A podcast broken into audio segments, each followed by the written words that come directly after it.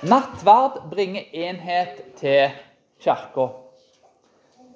En av de store privilegiene i, i, mitt liv er at jeg har fått lov til å besøke mange menigheter og mange kirker i ulike land. I Taiwan, i England og veldig mange menigheter i Amerika. Jeg ser ofte at de siste åtte årene tror jeg vi har bodd sju forskjellige plasser. Så Vi har flytta mye da, og beveget mye på oss. Og En observerer mye forskjellige ting når en flytter mye og har vært i mange ulike plasser. Og svært ofte, i motsetning til vår kirke, der kirker har blitt etablerte, de har holdt på lenge, de er kanskje, kanskje 100 år gamle, kanskje 20 år gamle Så kirker stort sett i alle plasser i verden har samme type mennesker. Det kan være en samling av konservative, en samling av moderate, en samling av liberale. Oftest er det folk som er samme etnisitet, sosiale bakgrunn, klasse. Og Stort sett så, er kirka til en viss grad en samling av folk som er forholdsvis like. Og Det er jo forståelig med tanke på både språk, kultur, så vel som kanskje det en spiser. Alle disse tingene gjør det enklere å operere innenfor et sted der en, folk er mer like. Så det er en veldig kanskje, rasjonell og forståelig ting på mange måter. Det er mer anstrengende f.eks. hvis en har samtale med, med, noen fra en annen kultur som kanskje snakker et annet språk, så vel som andre ting. Men, men samtidig så, så, er det veldig interessant å se at eh, det Bibelen vektlegger her i nattverden, er ofte noe helt annet enn kirker flest er. Kirker i verden har faktisk ofte en tendens til å bli et ekkokammer. Der, noen ganger kan det være viktigere å beskytte seg imot verden enn å faktisk nå ut til folk med evangeliet. Vi ser det helt tidlig i kirkehistorien med klostermentaliteten, der folk avsto fra, fra, alt og gikk inn i ørkenen. For der var det en trygge plass å være. Da ble de ikke korrupte av byens synd og, og umoral. Så Denne mentaliteten har eksistert i ulike grader gjennom kirkehistorien. Og spørsmålet blir jo da hva kan en gjøre for å skape et kirkesamfunn? Kanskje en kirke der folk fra ulike bakgrunner kommer sammen for nattverd i Jesus Kristus. Og evangeliet kan bli et kilde til enhet. En av de store privilegiene vi har som er kirke, er jo nettopp det at vi er en kirkeplant. Vi er en ny kirke. Og nye kirker har ofte et mye større potensial til å nå ut til folk som andre kirker ikke kan nå ut til, for de er for etablerte og har oppretta en kultur. Så det er jo en, en, en, stor, en veldig bra ting. da, en stor ting. Og jeg husker i hvert fall En gudstjeneste så hadde jeg faktisk ti forskjellige nasjonaliteter. Så det er, det er veldig, et potensial er stort der til å gjøre ting. Utfordringen blir jo alltid derimot, som det i alle kirker. Hvordan kan evangeliet og nattverden da være noe som bringer enhet i kirka? Som bringer sammen folk fra ulike bakgrunner, ulike kjønn, så vel som andre ting. Der en kan jobbe i lag om å bringe Guds rike på, på jord. Og Det er fire ting da, i lys av å ha enhet i kirka som vi skal se på i dag. Det første er nattverden er blitt et kilde til splittelse i Korintkirken. Nummer to Nattverden bringer enhet til kirka. Nummer tre granske deg sjøl før du tar nattverd. Nummer fire la nattverden bringe glede og enhet istedenfor dom. Nummer én nattverden er blitt et kilde til splittelse i Korintkirke. Det er vers 17 22. Fra vers 17 til 19 så kommer de sammen. Men ikke til gagn, ifølge Paulus, men til skade for hverandre. Altså, De kommer sammen til nattverd, og de påfører hverandre skade. Det er splittelse i Korintkirken når de kommer til nattverd. Og Paulus sier det vil vise seg hvem som er ekte blant de. Og En veldig viktig ting å huske på her er at Korintkirke eh, og Svært ofte i den, i den, romerske kulturen så møttes ikke folk altså, på, på fotballstadioner og, og svære haller med, med, masse folk. Det var tusenvis av stykker. Men de møttes i hjemmene til rike folk i kirka. Det var rike folk som hadde store hus, masse rom i huset. Og folk ble delt opp i ulike rom, for det var ikke plass til sikkert alle da, i et av rommene. Det var sånn at De rike spiste mye, og de spiste først. De fattige spiste sist og minst. Vi tenker ofte kanskje at det er vanskelig faktisk å forstå at, at det kan ha skjedd. Men, men, i Romerriket, i motsetning til den norske kulturen i 2022, så, så var ikke likhet en, en, ting som var en selvfølge. Det var ikke sjølinnlysende.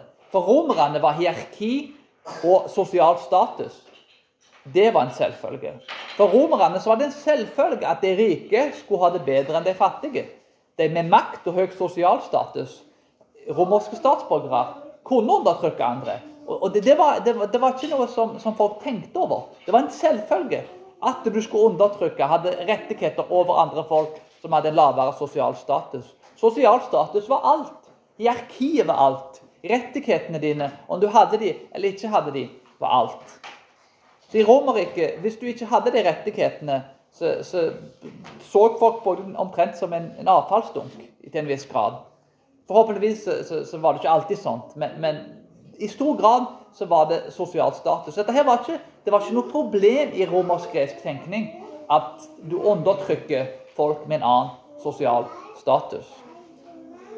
Paulus var en mann med sosial status. En høy sosial status. Romersk statsborger, ekstremt lærd. Og var en mann som hadde jobba seg ganske høyt opp i systemet. Han forfulgte kristne. Og på mange måter kan, kan se på seg selv som en person som er ganske høy status i denne kulturen. Men Paulus kommer med en kritikk her ovenfra og, og, og ned. Han sier at dette er ikke greit. Dere kan ikke undertrykke folk med nattverden. Så Paulus, Dette er ikke en kritikk som kommer nedenfra opp, men han kommer altså fra en, en person som har en høy sosial status. Og Det gjør kanskje at Paulus har observert dette. Kanskje han, når han besøkte hus og nattverd, kanskje han ble behandla veldig godt og fikk mat først. Men, men, men han kritiserer denne praksisen.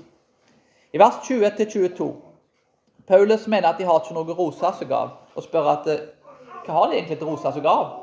De rike får spise, de fattige får ikke spise. De vanære, de som ikke har noe, folk spiser delt og nattverden og mat, som, som, som er kilde til enhet. Du inviterer folk til måltid hjemme hos deg, for du, du, du vil samles og ha enhet. Nattverdsmåltidet er et enhetsmåltid, og det blir et måltid som blir om til en splittelse. Både den fysiske maten og den åndelige maten som man får i nattverden. Begge deler ble brukt til å splitte folk og sette folk opp mot hverandre. Problemet i Korintkirken var at de rike igjen opererte innenfor en hedensk forståelse. Dette var folk som ble kristne, men, folk som åpenbart ikke da opererte ut ifra at alle skapte Guds bilde, og at menn, kvinner, altså jøder og grekere og, og treller fri er like i Jesus Kristus. Det betyr ikke at altså, vi er like sånn som dagens kultur forstår det. Vi er åpenbart eh, biologisk forskjellige, og, og, kongen i Norge mener jeg, eh, er jo ikke lik meg. mener jeg. Han har jo en, en helt annen autoritet enn jeg har. Men vi er altså like verdige, like viktige. Eh, så det er en helt annen forståelse som ligger bak der. Så Den, romer, altså romerske fokuset på sosial status er ganske motsatt av hvordan det er i dag. Og Det er en svært viktig ting å huske på. Ifølge New Research kom opp i, i Barnagru, så, så, var det 7% av kristne hadde et bibelsk livssyn. 7% faktisk. Dette var faktisk i Amerika. og 60% var kanskje kristne. Og 7% av dem, altså av, av kristne generelt sett, altså tenker bibelsk. Så du kan være kristen uten å tenke kristent.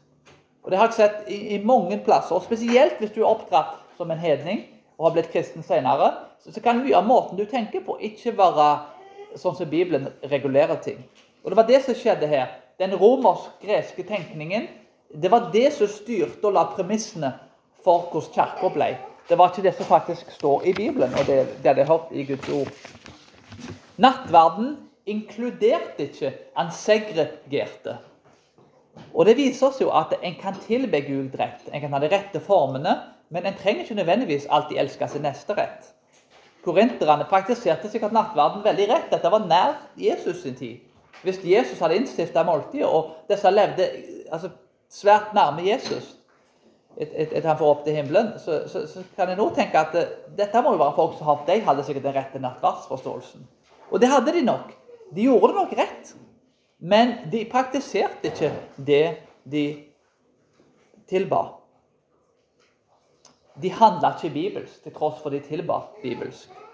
I Matteus 15, 8-9 så ser vi det. De ærer meg med leppene, men hjertene er langt fra meg. Og de tilber meg forgjeves, og deres undervisning er menneskelige regler. Så en kan altså tilbe Gud rett uten å behandle folk rett. Det var en som sa en gang en opp med å tilbe tilbedelsen.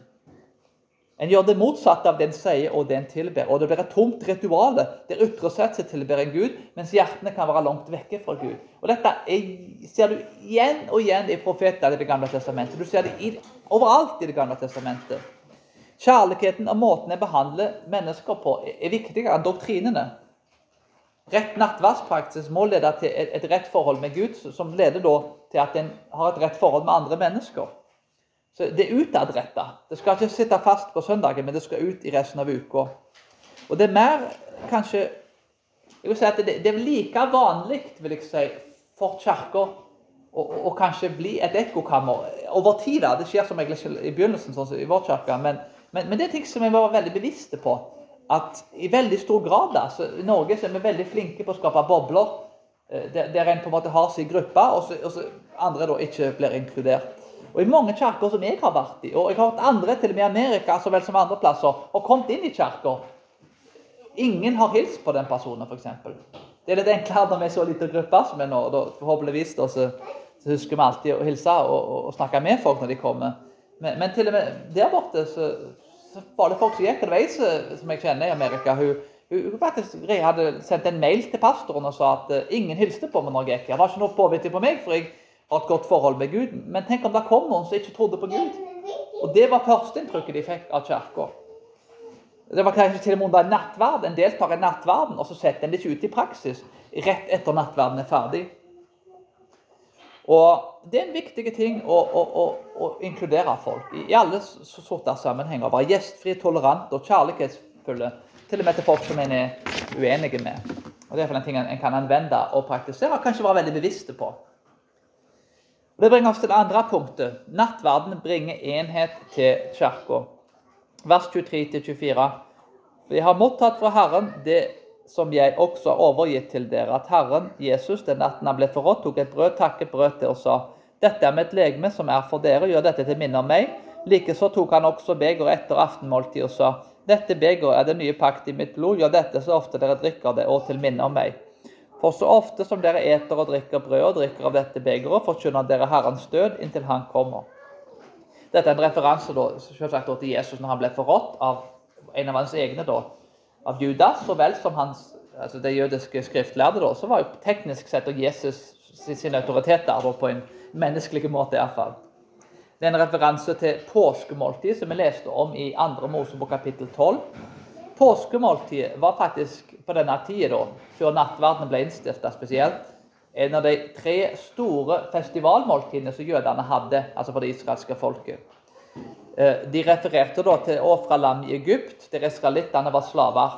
Og de malte lammets blod på dørstokken, sånn at de skulle bli frigjort fra Egypt. Dødsengelen gikk forbi, og det var blodet til lammet, altså blodet til Jesus, som er en parallell der, som frigjorde israelittene fra Egypt, og som frigjør oss fra synd i dag. De feira dette den 14. dagen i den første måneden med en gudstjeneste om kvelden, fordi de forlot Egypt om kvelden. Så Det er veldig mange paralleller her for å bli minnet på hva som skjedde i andre Mosebok når israelittene gikk fra Egypt. Det usyra brødet ble brukt, for de hadde ikke tid til å vente til brødet skulle heve seg når de var slaver i Egypt. Og Dette var altså en feiring da de hadde årlig i Det gamle testamentet da, så er passover, da, påskemåltid, det var noe, noe, som de gjorde en gang i året. Skottene blant annet, de feirer nattverd en gang i året. Eh, jeg tror jødene har vel Jom Kippur, som, som blir en lignende ting. Det, det er årlig da, en, en, klargjør seg for å frigjøre syndene. Så, men presbyterianere i Skottland har det altså en gang i året. Det er litt interessant å, å se hvor forskjellig den praksisen fungerer de ulike plassene. Men i Jerusalem på denne tida ofra hver familie et lam hvis de hadde økonomien til å gjøre det der blodet ble ofra på alteret i tempelet. Og de skulle sone for syndene sine. De spiste lammet og spiste usyra brød som familie. Og, og Grunnen til dette var at det, vi trenger fysiske påminnelser for å bli minnet på å huske de tingene som Gud har gjort. Jesus spiste måltid om kvelden med disiplene sine. Ble korsfesta i Jerusalem i denne feiringen. Og På samme måte som blodets land skulle frelse israelittene fra dødsengelen i Egypt, så ville Jesus sitt blod være det endelige offeret som frelser oss ifra synden og dødens makt. 1. Korinterbrev 5.7. Påskelammet da, i Det gamle testamentet, i 2. Mose på kapittel 12 Jesus er påskelammet. Han er lammet som ikke blir ofra på, altså på ei dør. Han blir ikke ofra i tempelet, men han blir ofra under himmelen. Han ble ofra foran hele verden. Verden på, den, på på denne tida. Det kan diskuteres om, om, hele verden ble sett på som et tempel. Men merk at Jesus ble ikke ofra innenfor en, en viss bygning. Han ble ikke ofra innenfor et visst type ritual innenfor en religion. Han ble ofra foran hele himmelen, foran verden. Og pga. det så er jo syndene til hele verden blir tilgitt hvis de tror på ham. Og Det er flere ting som vi kan huske på i dette. her. Det første er at Jesus' kropp og blod Når jeg snakker om disse tingene, så, er det jo bokstavelig. Altså, Jesus' sitt blod og sin kropp Blod Blodet ble utgitt, kroppen ble brutt. Dette er jo bokstavelig. Det var Jesus' sitt blod og hans kropp som ble brutt. Så, I den forstand så er jo dette bokstavelig. Nummer to Samtidig er det ikke bokstavelig i den forstand at vi drikker Jesus sitt fysiske blod og spiser hans fysiske kropp. Blant annet blant også katolikkene mener. Altså, Vi skal, ta det, vi skal ta det bokstavelig, altså, men ikke for bokstavelig, om det gir mening. Uh, Jesus, altså De første kristne de ble faktisk beskyldt for å være kannibaler. Og Det er jo på en måte litt forståelig. De drikker Jesus sitt blod, og, og de spiser kroppen hans. Så, så det var liksom, de var, Bokstavelig talt så trodde folk de var kannibaler. Uh, og de må være forsiktige der at en ikke tar det så bokstavelig. Uh, dette ble gitt for oss og vi skal gjøre dette til minne om han. Så nattverden er jo et minnesmåltid. Men det er mer enn et minnesmåltid. Og det har du svingelig i reformasjonen, som at det er kun et minnesmåltid. Men, men, så har du Luther, som, som, i større grad gikk litt motsatt vei. Ikke så nærme som katolikkene.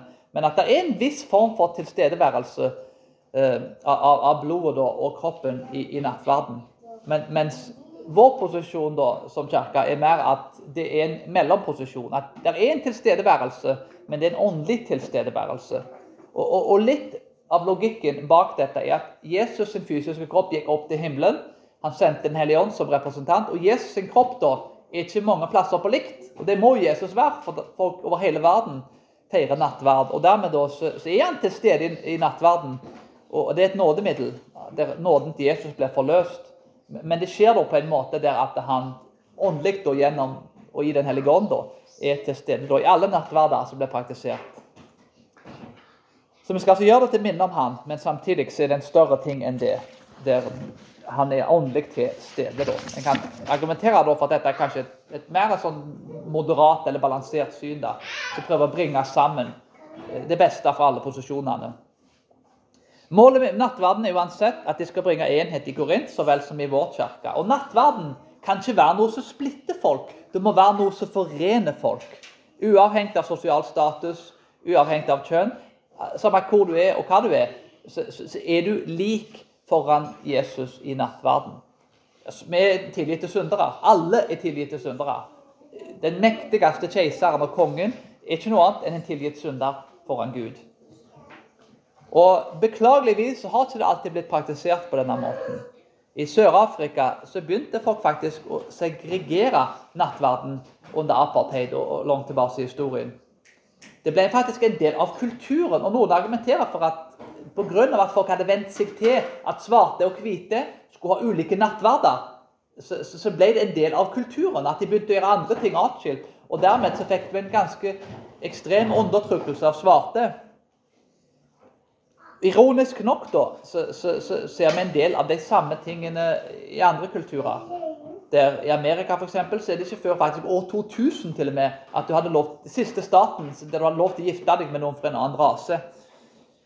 Og Segregering ble praktisert lenge. Du kan ikke bruke samme busser, du kan ikke eh, bruke samme toaletter, du kan ikke spise sammen, ulike restauranter. Og, dette er ting som kanskje til den dag i dag har påvirka kanskje spesielt den amerikanske kulturen. Men i alle kulturer, til og med den norske kulturen, så er det elementer av dette her der folk segregerer seg, iallfall ikke alltid i praksis. Til tross for kanskje ikke alltid folk oppmuntrer til det.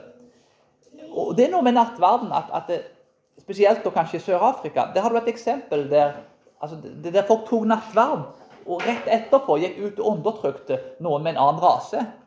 Og Det er nesten helt grotesk å tenke på hvordan mennesker, hvordan synden kan komme inn. Vi kan gå inn i nattverden og se at alle er like foran, foran Gud, og så går vi rett ut av kirka etterpå. Og, og, Historisk sett så er det, ja, det er skremmende å lese hvor, hvor, lett vi kan tilbe Gud rett, men ikke ende opp med å sette det ut i praksis ut i samfunnet. Så nattverden, ironisk nok, i Sør-Afrika så vel som kanskje i Amerika, ble splitta folk. Og satt folk i ulike grupper i plassen for å forene folk og likestille folk. Og dette med likhet er noe vi finner i Bibelen. Det er et bibelsk prinsipp. Det betyr ikke at, vi, altså, at, at alt er likt og alle kjønn er like. alt dette her. Det betyr at vi er like verdige, like viktige og like frelst, og alle er skapt i Guds bilde. Men nattverden må bli en realitet i våre liv. Og Det er viktig å huske på disse tingene, og, og hvor viktig det er å, å, å, koble teorien og praksisen. Det er viktig også å huske på at når vi tar nattverd i denne kirka, til tross for kanskje andre folk i andre kirkesamfunn ikke er her, de jo tar nattverd. Kirka som er rett over gata, tar nattverd. Og, og de, de, er brødre og søstre i Kristus, uavhengig av om vi har en annen teologi enn de, og kanskje tenker kanskje ulikt. Kristus død for disse menneskene. Så, så, vi kan ha et fellesskap og enhet til og med med folk som vi er sterkt uenige med. Jesus sitt blod ble utgitt for folk som vi ikke er enige med. En svært viktig ting her som jeg har lært før, er i dag, kanskje spesielt i Amerika, men jeg ser en del av de samme tingene utvikle seg i Norge, der folk i stor grad blir redusert til hva de mener om politikk. En ting som har blitt sagt om oss, er ofte ja, de er skikkelig konservative. Mens det andre liksom, de er woke, de er liksom eh, radikale kanskje på liberale ting. Mens du tenker deg om, så, så det er 100 ting med en person som definerer en person, som ikke handler om politikk. Det er en far, det er en mor. De har ulike interesser. De liker friluftsliv, fotball. Altså, Det kan være kanskje 100 1000 ting med en person som egentlig er mye viktigere enn hva de mener tilfeldigvis om et politiske ting. Egentlig vil jeg si det politiske ideologien og synet er egentlig en, en, en veldig liten, viktig ting sammenlignet med alle de andre tingene som definerer en person. Det er nesten sånn i dag at ja, hva mener du om de politiske tingene? Og dermed så kan ikke jeg være en venn. Det er, er, mange historier nå om folk som mister familierelasjoner for de stemte på en annen kandidat. Folk mister kontakt med sine egne foreldre fordi tilfeldigvis tenker de ikke prikken slikt om politikk. Folk som ikke vil snakke med sine egne foreldre i etterkant. Jeg kan ikke tenke meg nesten noe verre å oppleve. De har hatt et liv sammen, de har oppdratt sine egne barn. Og barnet vil ikke snakke med dem lenger. Vi trenger enhet i dagens kultur. Og igjen, hva folk mener politisk, er sannsynligvis det minst viktige i livet deres. At de er en, et menneske skapt i Guds bilde, og hvem de er, eh, hva familierelasjoner de har, og hva de liker å gjøre. Dette er egentlig en, betydelig viktigere ting. Det politiske er ikke uviktig, men det er ikke det som bør definere en person. Dette er sånne typiske ting som kan lede til splittelse. Ikke reduser folk til hva de tenker om ting. Reduser folk heller til hva de er, og hva de interesserer seg for. Og at Jesus døde for dette mennesket, og at de skapte Guds bilde. Og det skaper enhet, så vel som nattverden. Og Det bringer oss til det tredje punktet. Vi skal granske oss sjøl før vi tar nattverd. Vers 27-32. Vers 27 så blir en skyldig faktisk Herrens, herrens legeme og blod om en drikker det og, og tar det på uverdig vis. Det betyr at jeg må drikke og spise på en måte som ikke vanærer det Jesus gjorde på korset.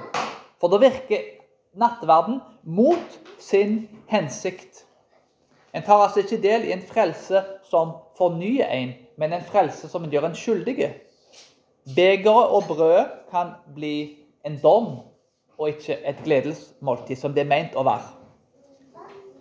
Det er et imperativ, altså et bud om å granske seg sjøl. Det er ikke et forslag. altså Veldig fint om du kunne granske deg sjøl. Det er ikke sånn det blir lagt fram. Det er altså et bud. Dette er noe du må gjøre. Poenget her er at en jeg vil ikke gjøre Jesus offer om til et slakteri istedenfor et offer. Og Det er en svært viktig påminnelse midt oppi dette her, er at eh, Jesus ble korsfesta av de mest religiøse folkene på hans tid. Folk som kan Skriftene bedre enn oss, kunne memorisere det utenat. Og han ble korsfesta av romerne. Begge var til en viss grad ansvarlige for å korsfeste Jesus. Men hedningene og de mest religiøse begge to korsfesta Jesus. Og det har ikke forandra seg stort. Jeg tror i hvert fall I norsk kultur så ble Jesus sitt offer gjort om til et slakteri der folk korsfester Jesus på nytt. Både hedninger så vel som kristne. Så vi er heller ikke fritatt for dette og ikke vil ha korsfeste Jesus. Ikke ha noe med Jesus å gjøre. Han holder vi oss vekke fra. Han er ikke noe, noe, noe frelser for oss. Vi kan gjøre det på mange måter, der vi vil ha velsignelsene som kommer med å være kristen. Men vi vil egentlig ikke ha et forhold med Jesus. Det som korsfesta Jesus, gjorde det fordi de ville bli kvitt ham, gjorde offeret om til et slakt. Men for oss så er måltidet et offer som vi tar imot. Vi tar imot Jesus, vi korsfester han ikke. Når vi deltar på nattverden, så tar vi imot Jesus som et offer. Og når vi gjør dette, så må vi prøve oss sjøl. Granske oss sjøl. Vers 28. Hvert menneske må prøve seg selv, og så ete og drikke. Vers 29. Han som eter og drikker, han eter og drikker seg selv til dom, om han ikke da akter på Herrens legeme. Og vers 30. Det er mange syke og svake blant dere, og må ta spesielt hensyn til dem. Vers 31-32 står det Men dersom vi dømte oss selv, ble vi ikke dømt. Men når vi ble dømt, da er det Herren som refser oss, for at vi ikke skal bli fordømt sammen med verden. Og det er mye bedre å bli dømt av altså vår egen samvittighet og ta et oppgjør med vårt eget synd, enn at verden skal dømme oss. Det vil komme en dom. Ingen slipper unna dommen. Det er en bok av en som heter Derek Prince, en bok som heter 'Evig dom'. Jeg har den boken hvis noen er interessert i den. Men, men han sa at alle andre bøkene solgte som varmt hvetebrød. Men den boken vil ingen ha.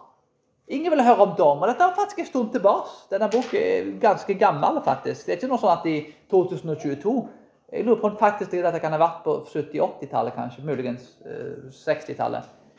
Men til og med da ville ikke folk høre om Guds dom. En evig dom. Ingen ville ha den boken. Eller noen ville ha den, da. Jeg kjøpte den jo. Men, men, jeg er nok et unntak, da. Så jeg er nok en litt sånn merkelig person der. Men, men, men det er litt interessant, det, at, at dette med dom. For, for dommen kommer før eller siden. Spørsmålet er ikke om, men når. Og Da er det viktig at vi er klar for det, ransaker oss sjøl, omvender oss fra syndene, sånn at verken verden eller Gud da har noe å kritisere oss for. At vi er dekket av Jesus' sitt blod. Det er et stort oppgjør, eh, sorry, vitnesbyrd når kirka og vi som kristne tar et oppgjør med vår egen synd. Når, vi er selvbevisste og selvkritiske at alle gjør feil, jeg gjør masse feil. Men, men være ærlig om de feilene. Og, og til og med som kirke og, og, og være imøtekommende på den måten at vi som kirke har ikke fått alt rett. Vi har ikke fått alt til. Det er ting som vi gjør som, som vi kunne blitt bedre på, så til og med vi kan lære av andre kirkesamfunn. Det var en gang i Amerika der jeg først eneste gangen jeg har sett kirkedisiplin bli praktisert. Takk og pris for at det var det, var det eksempelet som jeg så. for det ikke har jeg blitt skremt av. Men, men, det var en professor, en ganske kjent professor, som, som eh, ja, Jeg likte han veldig godt. altså det sagt. Det var en av mine, Virkelig eh, ja, utrolige fyr. Men, men, det var en person som hadde synda ganske grovt mot Gud. Jeg vet ikke hva det var, men, men han ble satt foran hele eh, altså presbyterien da. Og måtte da bekjenne syndene sine, og, og, men han ble restaurert. Han hadde gjort alt som skulle til for å vise fruktene til en omvendelse verdige.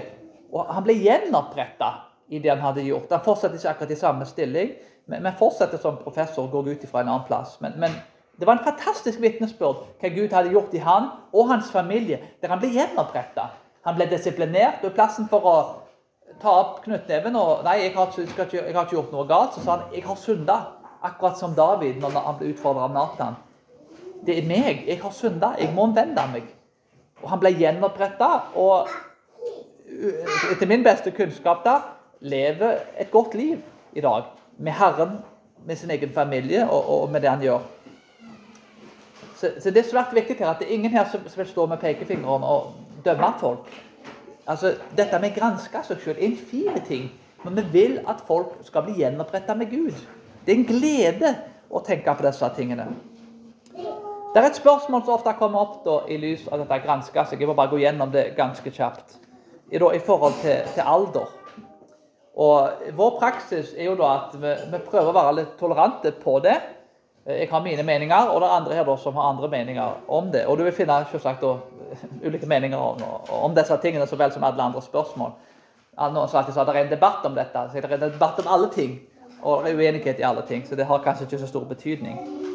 Men det er en, en svært viktig ting i hvert fall, å huske på at uh, en må i hvert fall granske seg sjøl. Hva alder det skjer i, kan en diskutere.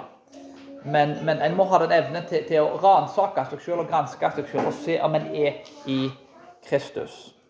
Uh, det er min anbefaling personlig da, at uh, vanligvis har en begynt på skolen. I, I, vårt kirkesamfunn er det veldig vanlig kanskje i en alder av kanskje fra 9 til 11 år. Eh, noen sier kanskje fra 6 til 11 år. Men vi godtar òg i, forsamlingen her at eh, hvis eh, for, altså foreldrene da godkjenner det, at, at barn da i, i, en lavere alder, lavere alder enn seks år da, kan gjøre det. Og under visse gitte omstendigheter. Så, så la, det er noe, noe vi godtar. da. Min, min anbefaling er at en i alle fall venter da, til en begynner på skolen. Men igjen, det er andre da, som er uenige i det. Og jeg anbefaler folk å utforske de ulike perspektivene. Uansett hva syn en har. Les bekjennelsene, se hva skriftsteder som blir brukt for å støtte opp dette.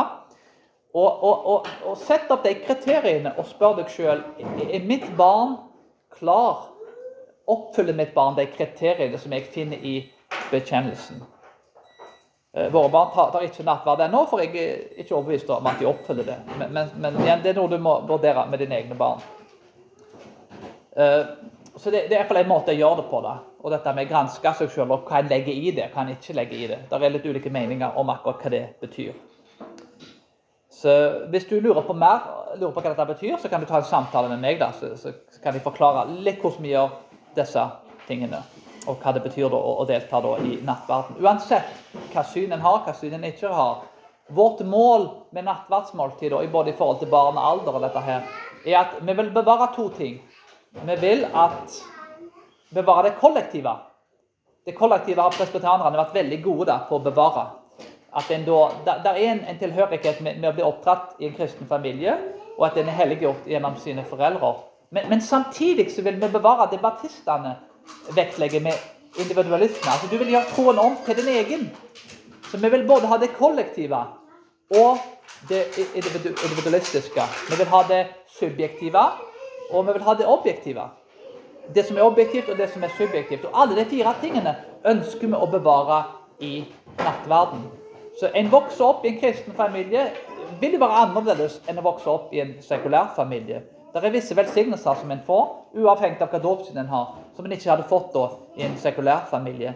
Men, men samtidig så kommer det en tid i, i, i familien, en tid i livet ditt, der du må gjøre troen om til din egen. Det er noe subjektivt der Gud virker i oss, og det er alle barna våre som kommer til en alder, de må eie troen. De må gjøre den om til sin egen. Gud virker i hjertene deres. Håpet som de, de er blitt gitt, blir forløst. Og hjertene deres blir dratt nærmere Gud. Og, og troen må være deres egen. Troen deres vil ikke overleve hvis det, det kun er sin tro som blir videreført. Så jeg vil faktisk på kanskje en merkelig måte si det, at det er viktige innsikter både hos presbyterianerne og hos baptistene på dette området.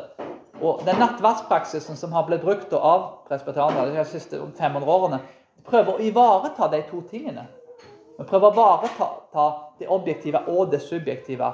Det kollektive og det individualistiske. Du trenger ikke velge mellom de to tingene. Du kan få si ja takk, begge deler. Jeg valgte ikke om jeg ville være norsk statsborger. Det var ingen som fortalte meg og spurte meg når jeg ble født om jeg ville være norsk. Men, jeg velger om jeg vil fortsette i en alder, kanskje om 18 år eller, eller 15, eller hva det er, om jeg vil fortsette å være norsk. Jeg kan velge å identifisere meg sjøl med en annen identitet hvis jeg flytter til et annet land og får pass og statsborgerskap i det landet. Så med andre ord, Du velger ikke hvor du ble født. Du velger ikke om du ble kristen, men du velger om du vil fortsette som en kristen. Det er sånn at jeg, iallfall, jeg synes det var til stor hjelp å forstå det på den måten. Så, så igjen, det hjelper ikke å ha et norsk pass hvis, hvis, hvis du ikke snakker norsk og, og, og, kanskje ikke har noe som helst uh, altså Hvis en hater Norge og ikke er norske på noen som helst måte, så, så, kan en si at det passet reflekterer jo egentlig ikke den en er.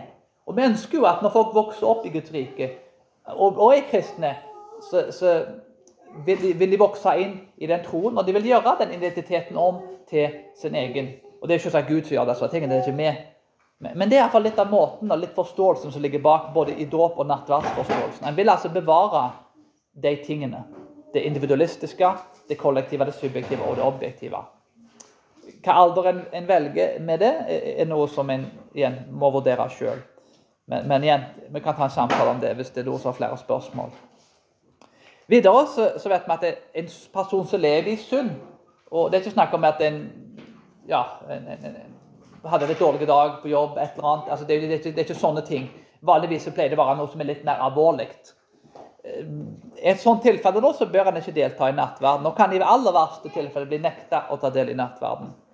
Nummer tre det er opp til deg sjøl om du kjenner at du er klar for nattverd. Eh, klargjør deg, be, bekjenn syndene dine omvendig. Eh, det er noe som en, det er forholdet mellom deg og Gud. så det er jo i veldig stor grad opp til deg sjøl. Nummer fire om en lever i alvorlige synder og ikke omvender seg, så kan en ende opp med å ødelegge nattverden. Og jeg vet at noen ganger òg for andre rundt, hvis, hvis, det er noen som gjør helt forferdelige ting og går inn i nattverd, så, så, så er det andre som har sagt at jeg kan ikke ta nattverd nå pga. den personen tar nattverd og ikke har omvendt seg.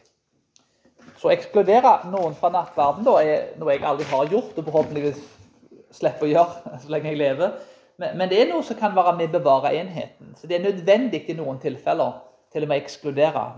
Og igjen, det er siste utvei. Målet er restaurering glede og fred og fornyelse i nattverden. Det er ikke å ekskludere folk. Men, men, men det er noen ganger å ekskludere folk. Det er litt sånn i, på skolen av og til. Hvis det var et barn som ødela hele klassen Alt ble ødelagt for den personen. Det er noen sånne elever som vi sikkert kjenner til. Så, så var det bedre i, i aller verste tilfelle. En håper jo at, at, noe sånt aldri skjer. Men, men klassen ble bedre hvis den personen ble fjerna hvis du vil berge elleve stykk og ikke ødelegge klassen for, for hele altså En elev kan ødelegge for hele klassen. Det, det er den, den, type mentalitet som ligger bak det.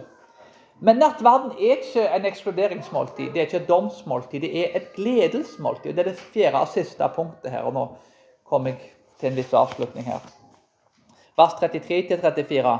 Derfor, mine brødre, når dere kommer sammen for å holde måltid, da vent på hverandre. Om noen er sultne, så får han spise hjemme, for at dere ikke skal komme til samme dom. Det andre vil jeg gi forskrifter om når jeg kommer. Enhet er sentralt, og vi skal vente på hverandre. Om en er sulten, så kan en spise hjemme først. Det var en, veldig enkel, praktisk løsning fra Paulus. Eh, ikke kom veldig sulten til nattverdsbordet, men jeg spiser i forkant. altså eh, Litt merkelig av og til å komme til nattverdsbordet veldig sulten, men eh, det kan være gode grunner til det. da. Og når det rike får spise mest og først, sånn som det gjorde i Korint, så, motsier de hele nattverdens betydning. Jesus sier jo at den minste skal bli den første, siste skal bli den første, og den minste skal bli løftet opp. Så egentlig, sånn Teknisk sett så burde jo egentlig den med lavest sosial status tatt nattverd først, hvis du skal gjøre det bibelsk. da. Den siste skal bli den første. Men, men igjen, da, det burde kanskje ikke vært noe, noe rekkefølge sånn sett. Nattverden skal uansett bringe glede istedenfor dom, og det er målet. Og Kalvinister og reformerte har svært ofte kanskje blitt kjent for eh, å være domspredikanter, eller helvetespredikanter, som de kalte de før. Og sannheten er at eh, vi trenger begge deler. Vi trenger selvsagt å si ja, vi er syndere som trenger frelse. Men det er en frelse i Kristus, og vi skal glede oss over den frelsen. Vi skal glede oss over nattverden. Og Jeg håper oppriktig at når folk kommer til nattverd, at de, de, gleder seg over det. At dette er ikke noe som en gruer seg til, men noe som en gleder seg til. Gleder seg til nattverden, og at en smaker og at en ser at Herren er god. Nattverden har også den effekten at alle mennesker får nattverd uavhengig av sosial status. Å være rik og Det har ingen betydning. Jesus Kristus har fornyet alle folk. Og foran Gud så har det ingen betydning om, om du er den rikeste personen på planeten, eller om du er den fattigste personen på planeten. Den rikeste personen på planeten en, en synder, akkurat resten av oss. Så la oss glede oss til nattverden, omvende oss, bekjenne syndene våre. På samme måte som du gleder deg til et måltid hjemme. Jeg går ut ifra at ja, kanskje det er et måltid du har en gang i måneden. Visse ting som du liker å spise. Du gleder deg til en skikkelig god ting som du spiser. Og På samme måte så kan Herrens måltid jo være noe du kommer fram og gleder deg til. Endelig så får jeg ta del i dette fantastiske nådemiddelet. Der Guds fantastiske nåde, hans uimotståelige nåde, blir forløst inn i våre liv. Og Det bringer oss til at eh, nattverden bringer enhet. Det er den gleden og den freden som nattverden bringer, og enheten som man bringer, som er av stor betydning i dette tilfellet. Hudfarge, teologi, økonomi altså Alt dette her er ting vi legger vekk. Nattverden gir oss like. Med ett, uavhengig av om vi er kvinne, mann, jøde, greker, trell eller fri. Og Det som gjør dette mulig, er Jesus Kristus. Det gamle testamentet ga et løfte her om en ny pakt. Ikke en pakt som var kun gitt til israelittene, til det jødiske folket. Jeremia 31, 31-34 viser oss at her er det en ny pakt. Jesus har forsikret tilgivelse med hans blod og med hans kropp i 1. Korinterbrev 11, 24-25. Og Vi blir minnet på dette i nattverden, der vi proklamerer at Jesus kommer igjen. Vi trenger hans brød og vin for syndenes tilgivelse, Det er hans nåde kontinuerlig fornyer oss. Det er fordi Kristus dør for oss, at vi slipper å ofre våre sønner og døtre på alteret, sånn som verden har gjort gjennom hele menneskets historie. Altså, det mener jeg i bokstavelig forstand. Eh, Spedbarnsdrap har, har, vært normen. Altså, det å berge barn har vært unntaket. Når folk mister troen på Jesus, så ofrer de sine egne barn på, på et fysisk alter. En av måtene de gjør det på i dag, er at de, de skjærer av kjønnsorganer uten grunn. Og stapper folk fulle av, av, alle mulige kjemikalier og stoffer og ødelegger kroppene til folk. Fordi de har ikke en reell forståelse av det offeret som Kristus gav på korset. Folk går i krig med hverandre. Og Det er ikke fordi for at Jesus befalte gå og drepe naboen. Det er fordi Jesus befalte gå og elske din nabo. Og Grunnen til at vi kan elske naboen vår og vår neste som oss sjøl, er ikke pga. oss sjøl, for vi er syndere. Men det er fordi han kom ned og døde for oss han elsker oss, og han elsker sine fiender, til tross for at de hater han. Og pga. at han har gitt oss den nåden i nattverden, så kan vi gjøre det samme med andre. Vi kan være folk som bringer liv i plassen for folk som ødelegger liv. Og takk og pris for at det offeret er endelig, og at det ble allerede gitt for oss. Sånn at vi slipper å ofre mennesker for det samme. Takk og pris for at verket er fullbrakt, og at nattverden gir enhet til kirka. Og la det bli en realitet i våre liv. La oss be.